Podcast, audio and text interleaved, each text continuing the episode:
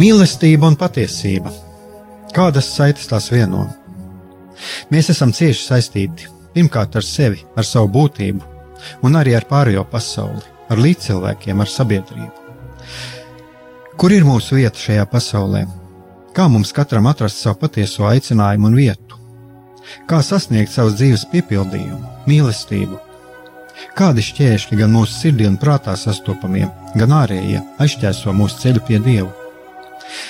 Šie jautājumi ir mūsu dzīves sastāvdaļa, svarīgi mūsu ceļā uz svētumu. Meklēsim šajā raidījumā kopā atbildes uz šiem jautājumiem. Ieklausīsimies, ko Dievs mums vēlas pateikt ar visu, ko sastopam savā dzīvē. Lai mūsu sirds un prāti atveras mīlestībai un patiesībai, raidījums mīliet cits citu.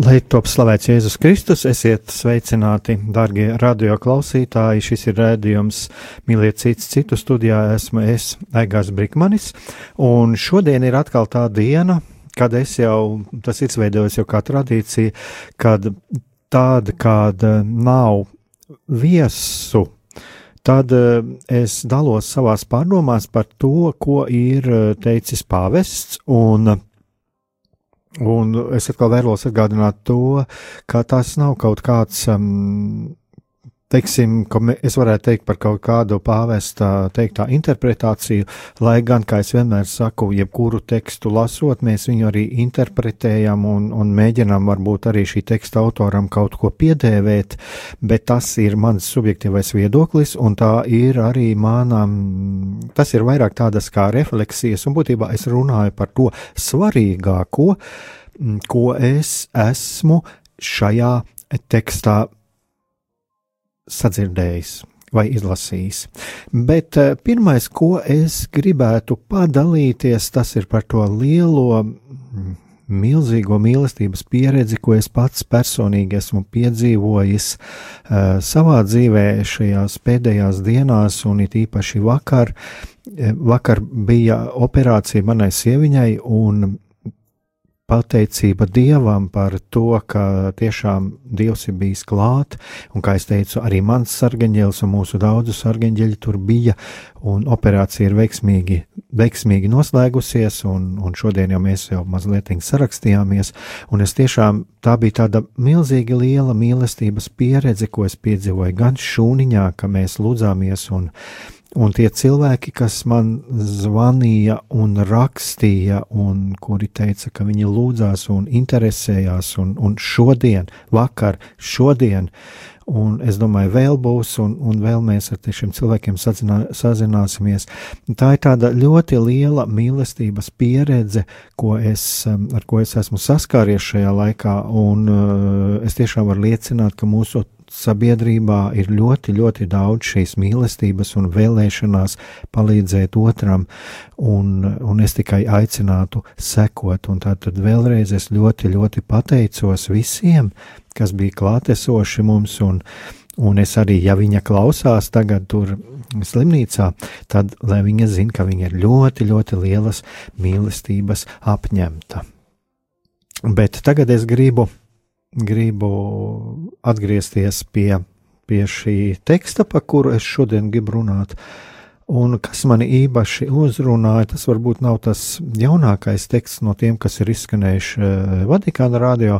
Mm, tas ir mm, tas, ko sēstdien eh, pāvests Francisks runāja pasaules jauniešu dienās. Uh, Pasaules jauniešu dienu, sestdienas 26. janvāra vakara lūkšanu vigilijas laikā, kur pāvests runāja par to, ka dieva mīlestība ir lielāka par mūsu trauslumu. Un uz ko pāvests aicina šajā savā uzrunā?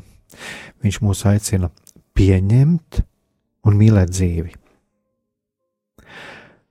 Un tieši tas, par ko pāvests runāja, tieši, tieši tā daļa, kur, kur pāvests runā par šo dzīves pieņemšanu un mīlēšanu, manuprāt, ir tas pats svarīgākais.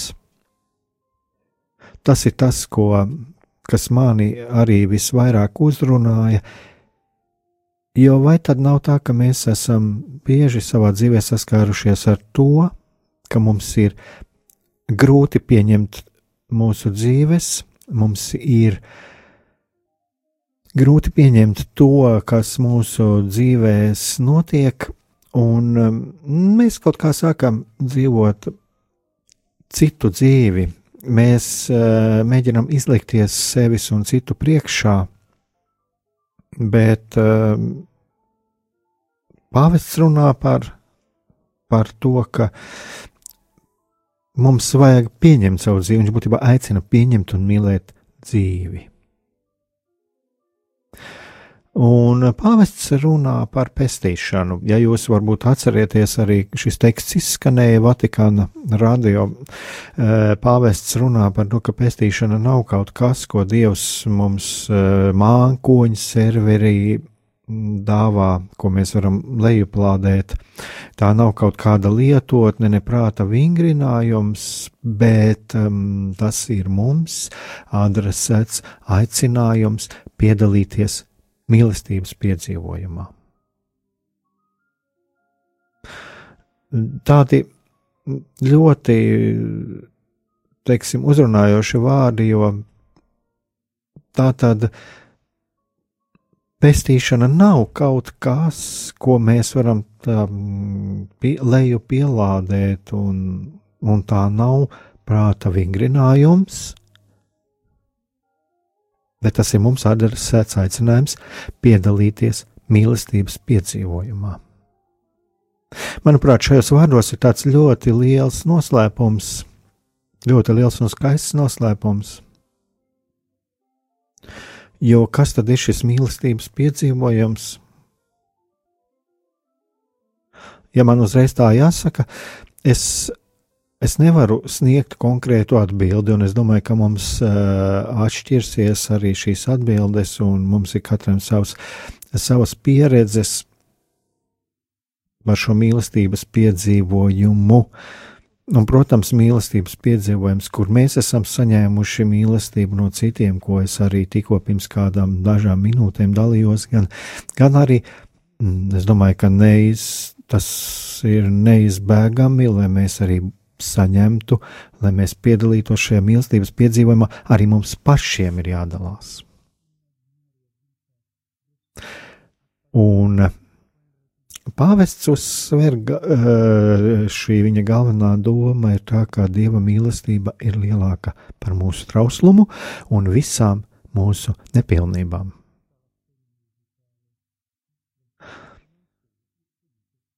Un lūk, šeit pāvesta vārdi ko pāvests saka. Dzīvība, ko mums dod Jēzus, ir mīlestības stāsts. Tas ir dzīvības stāsts. Dievs grib, lai mēs piedalāmies viņa mīlestības piedzīvojumā. Un savā ikdienas dzīvē nesam augļus tur, kur esam tādi, kādi esam, un ar tiem, ar kuriem esam kopā. Es domāju, ka šeit ir tie, tas, tas svarīgākais, mm, tie atslēgas vārdi, ko nozīmē šī piedalīšanās dieva mīlestības piedzīvojumā. Tas nozīmē, savā ikdienas dzīvē nesam augļus tur, kur esam, tādi kādi esam, un ar tiem ar kuriem esam kopā. Sanctum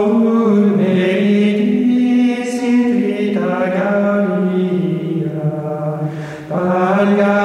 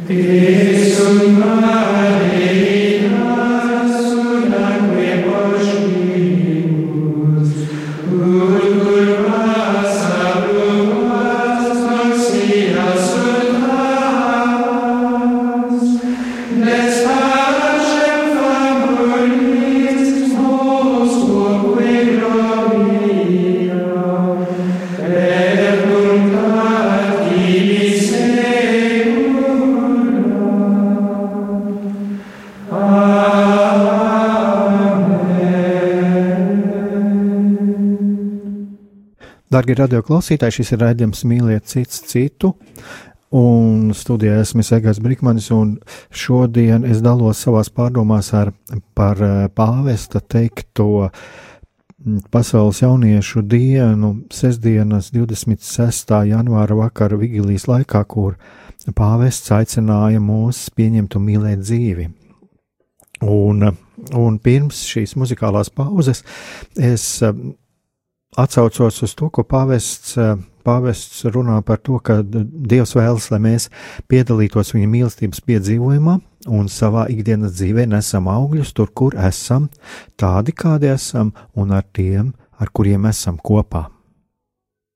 Tātad, un es, man pašam personīgi šie atslēgas vārdi bija, ka piedalīties Dieva mīlestības piedzīvojumā ir nozīmē nest augļus tur, kur esam, tādi kādi esam, un ar tiem, ar kuriem esam kopā.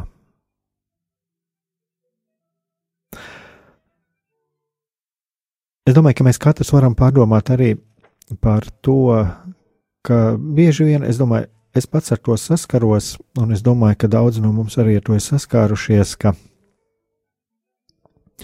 ka mēs mums liekas, ka tur, nu, kur nu mēs esam, tur kaut kādu iemeslu dēļ tā nav tā īstā vieta, kur nest šos um, mīlestības augļus. Um, es domāju, ka tā mums var gadīties. Tāpat kā arī mēs varam sākt kaut kādā brīdī, varbūt justies uh, pārāk grēcīgi, pārāk vāji, pārāk nespējīgi Un, un mūsos var rasties arī problēmas mm, nest mīlestības augļus eh, ar tiem, ar kuriem esam kopā. Bet, eh, ja mēs tā ieklausāmies eh, sevi, savā sirdīs un paskatāmies apkārt un paskatāmies arī tajos notikumos, kas ir aprakstīti evaņģēlijā, kā tad ir patiesībā? Vai tad tiešām mēs esam tādi, vai tad mēs tiešām esam um, tādi tik um, vāji, tik nespējīgi un, un dievam nederīgi, ka mēs nevaram nest uh, mīlestības augļus. Vai tiešām tā vieta, kurā mēs atrodamies, un kur kaut kādu apstākļu dēļ mēs atrodamies, nav tā vieta, kur mums nest šos mīlestības augļus, un vai tiešām nav iespējams nest mīlestības augļus ar tiem, ar kuriem esam kopā?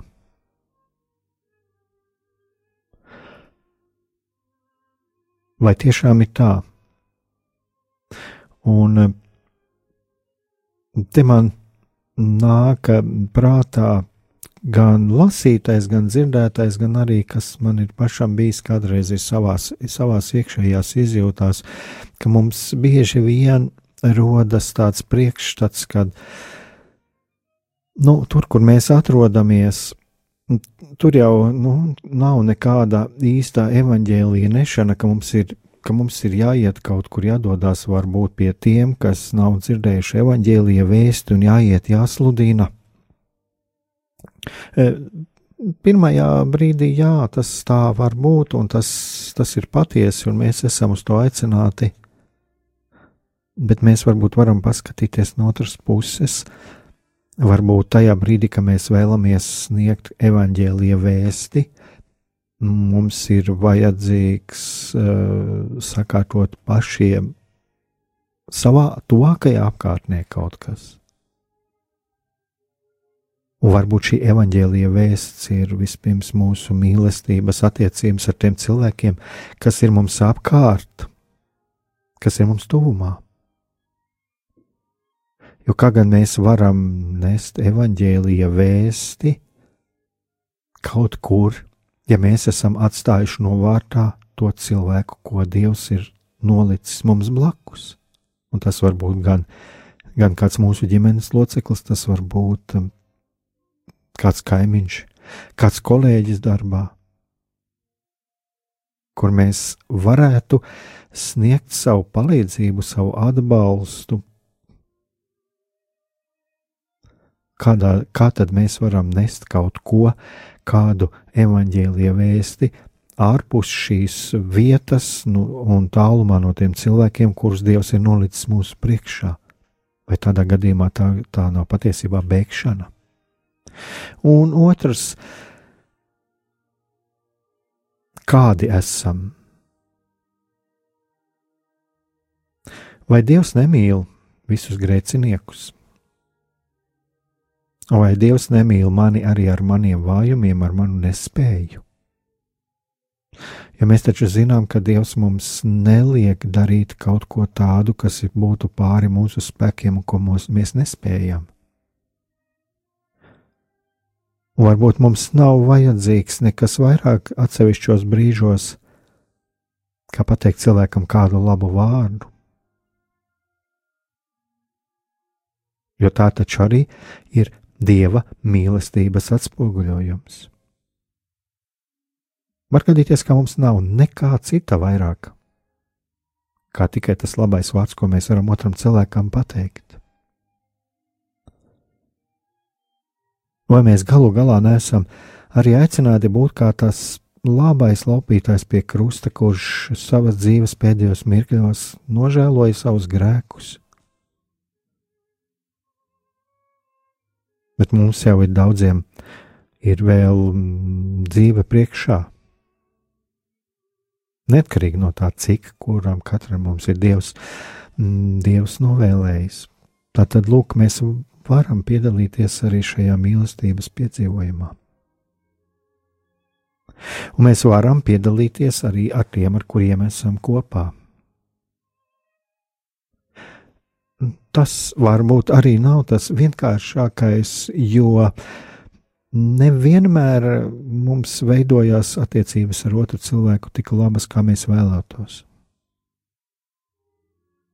Bieži vien ir tādi cilvēki, kurus tiešām objektīvi ņemot, mēs nevēlētos redzēt savā tūmā, bet kaut kādu apstākļu dēļ mēs nevaram izvairīties no šī tūma. Te es atkal vēlētos atsaukties um, to, ko Jēzus teica, būdams pie krusta par tiem, vi, kas viņu sita krustā. Kungs apžēlojies par viņiem, jo viņi nezina, ko dara. Tāpat kā mums ir arī ļoti brīnišķīgs piemērs, arī biskupa Sloskāna piemērs, kurš bija spējīgs lūgties arī par tiem, kas viņam darīja pāri. Un tas nenozīmē noliekt ļaunumu. Nē, Mums ir jābūt godīgiem pret sevi. Mums ir jāatzīst, ka mums tiek darīts pāri, un tas, ko ar mums dara, tas ir ļauni. Bet mēs varam iet divus ceļus. Vai nu dzīvot rūkumā un sevi sadedzināt, vai mēģināt iet pretim piedošanai, izlīgšanai, un tur, kur nav iespējams izlīgt, tomēr lūgties par šiem cilvēkiem, ko Dievs ir nolicis mūsu priekšā, lūgt no Dieva mieru un lūgt par viņiem, lūgties, svētīt viņus. Magnificat, magnificat, magnificat anima.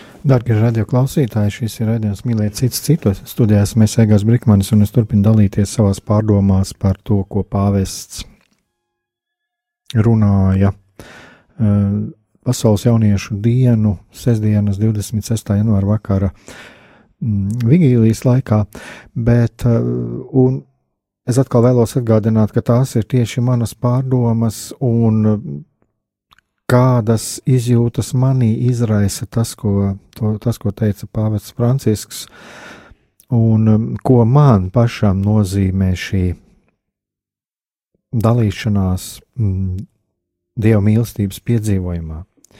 Un um, turpinot arī to, ko pāvests runā, tātad, kā, pā, kā jau es atkal atgādināšu, ja, ka pāvests runā par to, ka šī piedalīšanās Dieva mīlestības piedzīvojumā un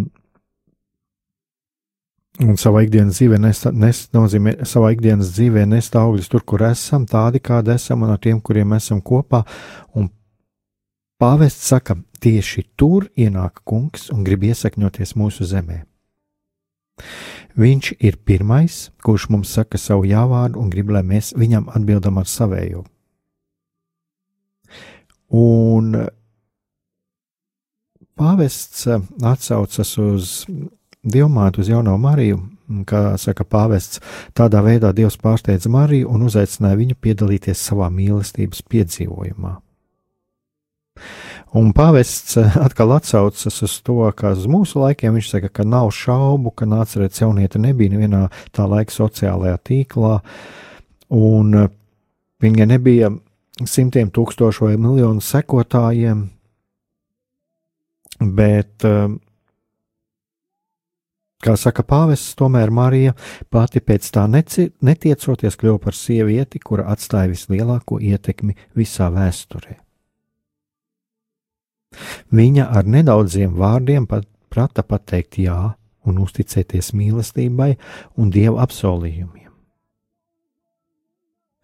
Un eh, pāvests arī uzsvēra to, ka dievā slēpjas vienīgais spēks, kurš var visu darīt jaunu un Marijas paraugam cilvēki sekoja visos laikos un turpināja sekot, sakot Dievam savu jāvārdu. Un pāvests uzdod arī šo jautājumu: ko nozīmē teikt kungam jā?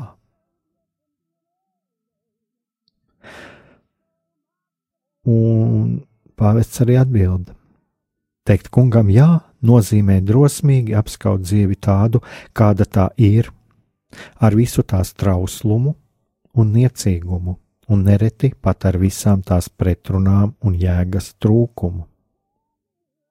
Tas nozīmē pieņemt savu tēvzemi, savus ģimenes un savas ģimenes un savus draugus tādus, kādi tie ir, ar visiem viņu vājumiem un niecīgumu. Mēs apskaujam dzīvi arī tad, kad esam atvērti un pieņemam visu, kas nav pilnīgs, tīrs un destilēts, kas nenozīmē, ka tāpēc viss būtu mazākā mērā mīlestības cienīgs. Lūk, es domāju, ka šeit arī ir tā atbilde uz tiem jautājumiem, ka, par, ko, par ko es arī dalījos pirms muzikālās pauzes. Teikt kungam jā, nozīmē drosmīgi apskaut dzīvi tādu, kāda tā ir ar visu tās trauslumu un niecīgumu, un nereti pat ar visām tā, tās pretrunām un jēgas trūkumu.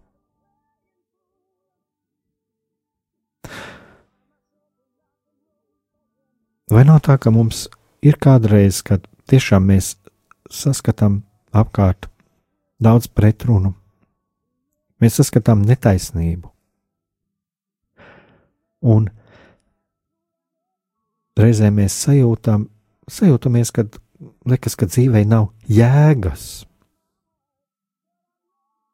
Jo pasaulē ir tik daudz gan, gan citu cilvēku, mūsu tuvāko cilvēku, gan apkārtējo cilvēku dzīvē, gan arī mūsu pašu dzīvē ir daudzi notikumi, kuri mums bieži vien var izsist no līdzsvara. Bet eh, pāvests mūs aicina drosmīgi apskaut dzīvi tādu, kāda tā ir. Un tas nozīmē pieņemt visu, kur mēs esam nolikti, kur mēs atrodamies, savu tēvu zemi, savas ģimenes, savus draugus, kādi tie ir, ar visiem viņu vājumiem un niecīgumu. Man te nāk prātā kāda liecība, ko pirms kāda laika stāstīja kāda māsa Kristū, kura, kurai priesteris, garīgais tēvs bija ieteicis saskatījis viņa, ka, ka viņai viena no viņas problēmām ir sevis žēlošana. Un tad viņa stāstīja, kā viņa tajos brīžos, kad viņa sajūta, ka viņai iekšēji gribās sevi žēlot, viņa teica pati sev, bet es negribu. Es negribu ciest, es negribu, lai mani, lai mani bremzē šīs izjūtas. Un kaut kā savā ziņā man tas sasaucās arī ar to dzīves apskaušanu atsaucās ar, viena no, ar, arī ar šo liecību, jo cik bieži nav tā, ka kaut kas manā dzīvē piedzīvotais atstāja manī kaut kādas sāpes, kaut kādu arī sevi žēlošanu, kas patiesībā atņem spēkus.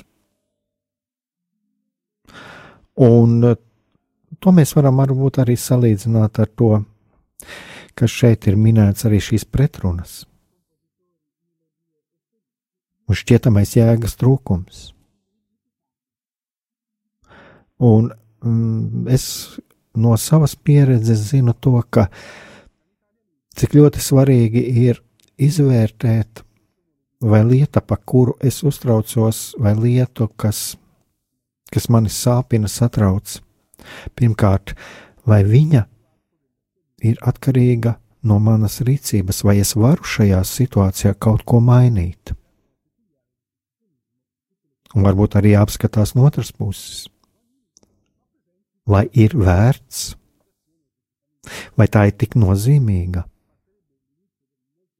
Es šeit nerunāju varbūt tieši par to, vai ir vērts, bet es runāju par to, varbūt es tā varu pats sevi palabot, vai tā lieta ir tik nozīmīga, ka viņa man būtībā traucē iemīlēt savu dzīvi un apskaut savu dzīvi tādu, kāda tā ir. Mēs bieži vien satraucamies par nenozīmīgām lietām, par to, ko domā citi. Arī par citu rīcību, kas varbūt kādreiz mūs patieši neskar. Un tajā pašā laikā arī mums satrauc lietas, kuras mēs nevaram mainīt. Tātad, lūk, varbūt arī tas ir tas, kas traucē apskaut dzīvi.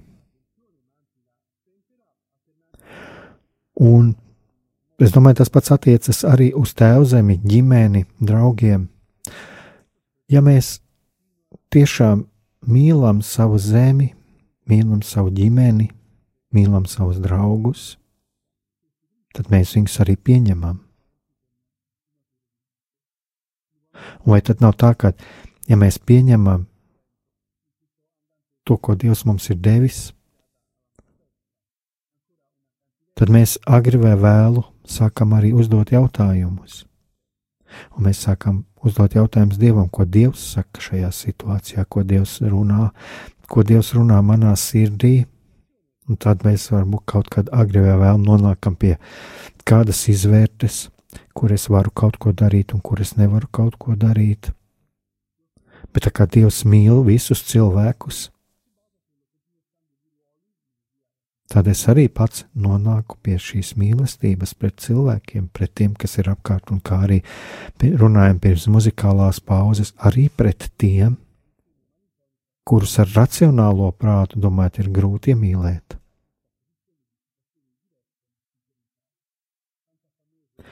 Bet, ja mēs paskatāmies arī, ko saka pāvests, ka mēs apskaujam dzīvi arī tad, kad esam atvērti un pieņemam visu, kas nav pilnīgs, tīrs un destilēts, kas nenozīmē, ka tāpēc viss būtu mazākā mērā mīlestības cienīgs.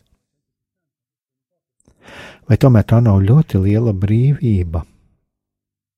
Iemīlēt dzīvi un atbrīvoties no tām lietām, no tām nevajadzīgām lietām, no tām būtībā, no tām nevajadzīgajām izjūtām, kas satrauc mūsu sirdi. Un tad, kad mēs no tā atbrīvojamies, atbrīvojamies no visa, kas satrauc sirdi un prātu, mēs spējam ieraudzīt to labo, tās iespējas, tās perspektīvas, kas ir mūsu dzīvēm. Un savā ziņā, vai arī tas nav tas ceļš, vai tas nav tas veids, kā mēs varam atpazīt to, uz ko Dievs mūs aicina. Un tagad es atkal pievēršoties pie tā, ko saka pāvests. Pāvests pievēršas arī tieši par mīlestību pret otru cilvēku. Un pāvests jautā, Vai tāpēc, ka kāds ir ar īpašām vajadzībām, vai ir vājš, nav mīlestības cienīgs? Vai tāpēc, ka kāds ir svešinieks, ārzemnieks, ir kļūdījies, saslimis vai nonācis cienī, cietumā, nav mīlestības cienīgs? Un Pāvils Francisks atgādināja, ka Jēzus apskauj katru lepras slimnieku, aklo paralizēto farizēju un grēcinieku, laupītāju pie krusta un pat tos, kuri viņu piesita krustā.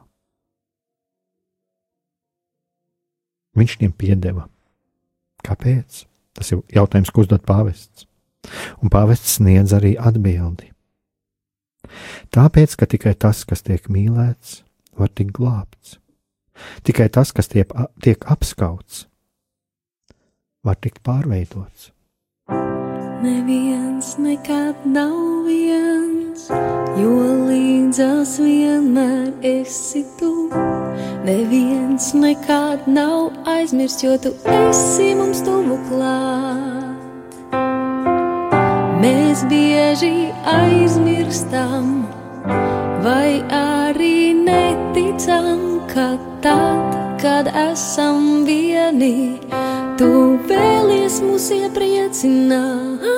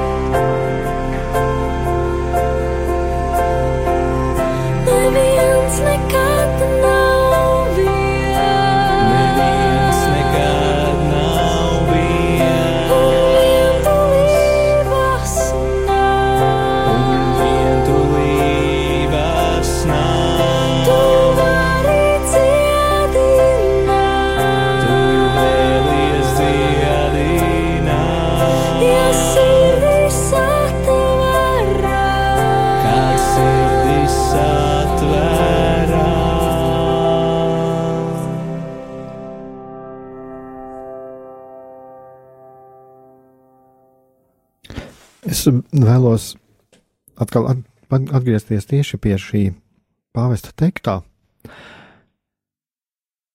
ko es pieminēju arī pirms muzikālās pauzes, ko pāvests runā par, par mīlestību.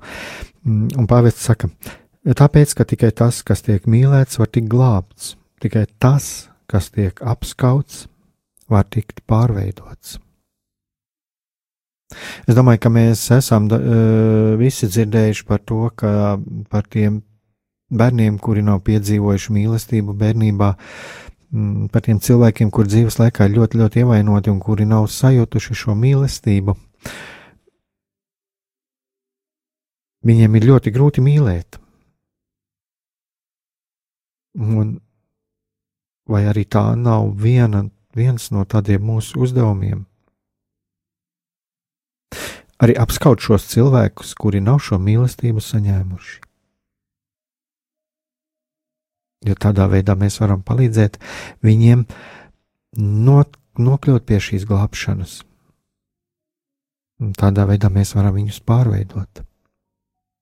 Tātad ne tikai tik daudz caur kritiku vai caur uh, nosodījumu, bet tieši caur mīlestību. Un arī mūsu kritikai, protams, kam ir jābūt objektīvai kritikai, jānāk no mīlestības. Jo arī Jēzus nebija tāds, kurš pakļāvās visam.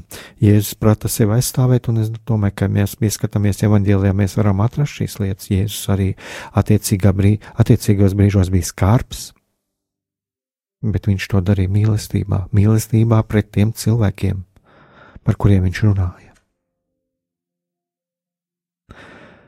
Un atkal atgriežoties pie tā, ko, ko runāja pāvests. Pāvests runā par to, ka kunga mīlestība ir lielāka par visām mūsu pretrunām, trauslumu un nabadzību, un tieši caur mūsu pretrunām, trauslumu un nabadzību viņš grib rakstīt savu mīlestības stāstu. Šeit es arī vēlos pateikt no savas pieredzes. Es kādreiz esmu arī tā domājis par savām, saviem paklupieniem, par savām kļūdām, un es esmu domājis tā, vai nav tā, ka tā ir liela žēlastība, jo ja tā nebūtu, ja manā dzīvē būtu viss tik ļoti gājis, tik labi uz priekšu, ja man pašam nenāktos kļūdīties, pat kādreiz sagrēkot, vai manī nerastos lepnība? Bet varbūt tieši caur manām pretrunām, trauslumu un nabadzību es sāku domāt, ka man ir vajadzīgs kaut kas vairāk, es sāku just nepieciešamību pēc kāda glābēja. Un, un es sāku just nepieciešamību pēc dieva. Un tad es saņemu to spēku, kuru man neviens nevar apņemt. Un pāvests runā par to, ka viņš grib rakstīt, tātad Dievs grib rakstīt savu mīlestības stāstu. Kungs, ap, kungs apskava pazudušo dēlu, apskava Pēteri pēc nodevības, un vienmēr apskauj mūs pēc mūsu kritieniem un palīdz mums piecelties un nostāties kājās. Kā būtu, ja mums nebūtu šo kritienu? Varbūt mēs savā lepnībā tad neļautu Dievam mūs apskaut. Un pāvests arī sniedz atbildi. Pāvests saka, ka vienīgais kritiens, kas var izpostīt mūsu dzīvi, ir tāds kritiens, pēc kura mēs paliekam, guļam uz zemes un neļaujam, lai mums palīdz piecelties. Šeit ir tādi manuprāt, divi atslēgas vārdi. Mēs paliekam guļam uz zemes un neļaujam, paliekam un neļaujam. Tātad šeit es saskatu aicinājumu nebūt pasīviem, darboties, celties augšā, bet arī pašā laikā ļaut, lai Dievs mums palīdz piecelties. Savā ziņā tas ir tāds aicinājums uz sadarbība ar Dievu.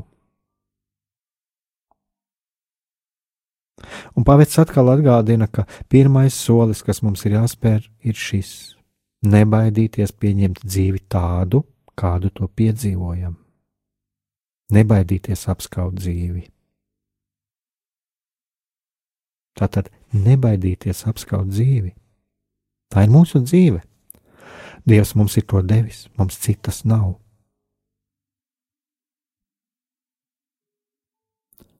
Un pāvests runā arī par, viņš piemin šādus četrus bēzus, kur mūsu dzīve var palikt bez saknēm un izskaustu, bez darba, bez izglītības, bez kopienas un bez ģimenes.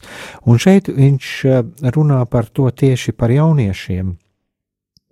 Un pāvests bieži atgādina par to, ka jauniešiem ir jānodrošina gan darbs, gan izglītība, mm, gan kopiena, gan ģimene. Un, protams, darbie radio klausītāji un klausītājas, jūs, kas, jūs, kas visi, jūs, kas klausieties šos raidījumus, jums ir dažādas situācijas, jūs esat ar dažādām dzīves eh, situācijām, bet eh, es domāju, ka mēs varam atrast, neatkarīgi no tā, kādā situācijā atrodamies, mēs varam atrast kopību, mēs varam doties uz kādu kopienu.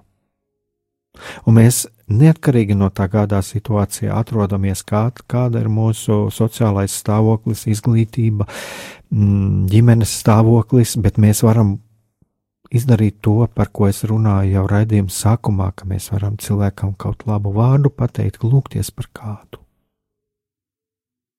Lūk, šeit ir šī lieta, par ko šeit pāvests runā par jauniešiem, bet cilvēki, kuri ir jau pieauguši, kuri, kuri ir jau gados, ņemot vērā vēl šo situāciju, kāds bija šis padomju okupācijas laikā mantotais, mēs esam dažādās situācijās, bet mēs, mums ir dota šī iespēja.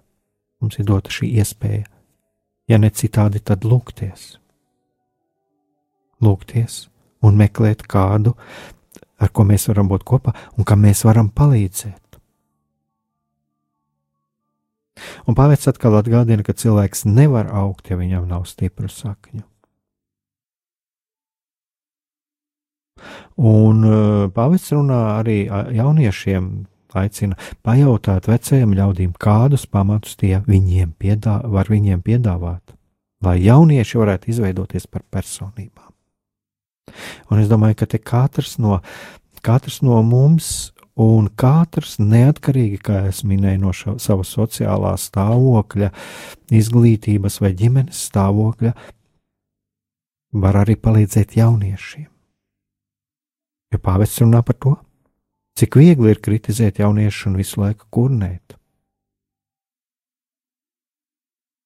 Bet mums ir dota pavisam cita iespēja. Mums ir dot iespēju priecāties par jauniešiem un censties viņus atbalstīt. Es domāju, ka tā arī ir viena no tādām paudžu kļūdām, kas jau ir veca kā sena, kā cilvēce, kritiski skatīties uz jaunatni, bet patiesībā jau jauno paudzi veidojam mēs paši jaunās paudzes uzvedība, rīcība un tas, ko jūt, ko domā, ko dara jaunie cilvēki. Tas ir tas, ko esam ielikuši mēs, ko esam ielikuši mēs, ko ir ielikuši iepriekšējās paudzes. Kyrie eleison. Kyrie Oremos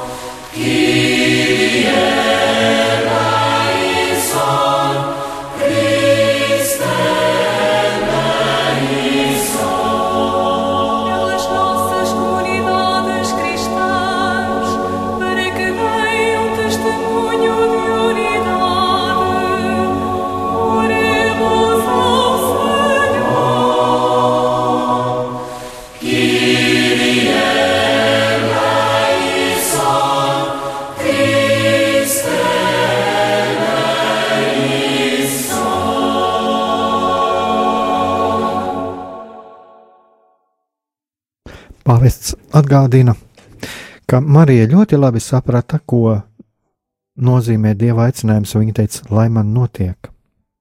Un pāvests arī uzdeva jautājumu, draugi, vai jūs esat gatavi teikt jā?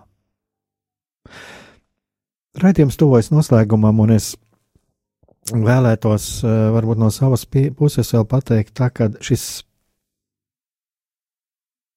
pasākums, šī jauniešu diena un šī pāvesta uzruna, protams, viņš uzrunāja jauniešus. Bet es kādreiz saku arī tā, ka patiesībā jau mūžības priekšā mēs esam tik jauni, cik mēs katrs savā sirdīs jūtamies. Un vai nav tā, ka tomēr tas viss ir domāts, ka šie vārdi var uzrunāt mūs visus. Neatkarīgi no mūsu vecuma, neatkarīgi no tā, kur mēs šajā brīdī atrodamies, un neatkarīgi no tā, kāds ir mūsu stāvoklis šajā situācijā. Šie vārdi ir adresēti, manuprāt, mums visiem, jo mēs visi esam aicināti piedalīties šajā mīlestības piedzīvojumā. Un es vēl vēlos noslēgumā pateikt arī par to, ko pāvests runā Un pāvests saka tā, ka evaņģēlijas māca, ka pasaule nekļūs labāka tāpēc vien, ka tajā būs mazāk slīmo, nespēcīgo, vājo un veco ļaužu, par kuriem rūpēties. Tā nekļūs labāka pat tāpēc, ka būs mazāk grēcinieku. Tā būs labāka tad, kad tajā būs vairāk to cilvēku, kuri būs gatavi drosmīgi veidot nākotni un ticēt Dieva mīlestības pārveidojošam spēkam. Tikai mīlestība mūs padara cilvēcīgākus un pilnīgākus. Un noslēgumā pāvests saka, lai, lai Jēzus jums palīdz atklāt, ka dzīvot ir skaisti. Darbie radio klausītāji, es vēlos, noslēdzot šo raidījumu, tiešām novēlēt pirmkārt jau savai sieviņai Regīnai, lai Dievs ir klātesošs, lai ārsti, lai viņš vada ārstu rokas, un lai Dievs arī stiprina viņu garīgi un fiziski, lai viņa izveseļotos un būtu ātrāk kopā ar mums. Un tāpat es vēlos novēlēt stiprinājumu visiem, visiem, kuri slimo, kuri cieš neatkarīgi no tā, kādā viņi atrodas veselības situācijā un kas ir, ko Dievs viņiem ir paredzējis. Lai Dievs stiprina garīgi un fiziski, un lai notiek Dieva prāts šo cilvēku, visu, visu šo cilvēku situācijās, un lai Dievs apņem viņus ar savu mīlestību, mierina, stiprina garīgi un fiziski. Un mums visiem gan tiem, kas mēs klausās šobrīd šo raidījumu, gan tiem, kuri varbūt neklausās, bet visiem es gribu novēlēt, piedalīsimies visi tajā, ko Dievs mums piedāvā. Piedalīsimies Dieva mīlestības piedzīvojumā.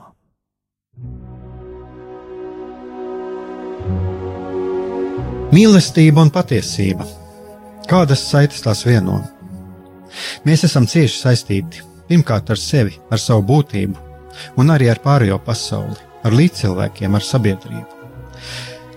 Kur ir mūsu vieta šajā pasaulē? Kā mums katram atrast savu patieso aicinājumu un vietu?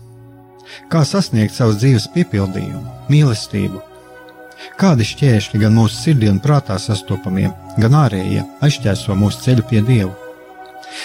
Šie jautājumi ir mūsu dzīves sastāvdaļa, svarīgi mūsu ceļā uz svētumu. Meklēsim šajā raidījumā kopā atbildes uz šiem jautājumiem.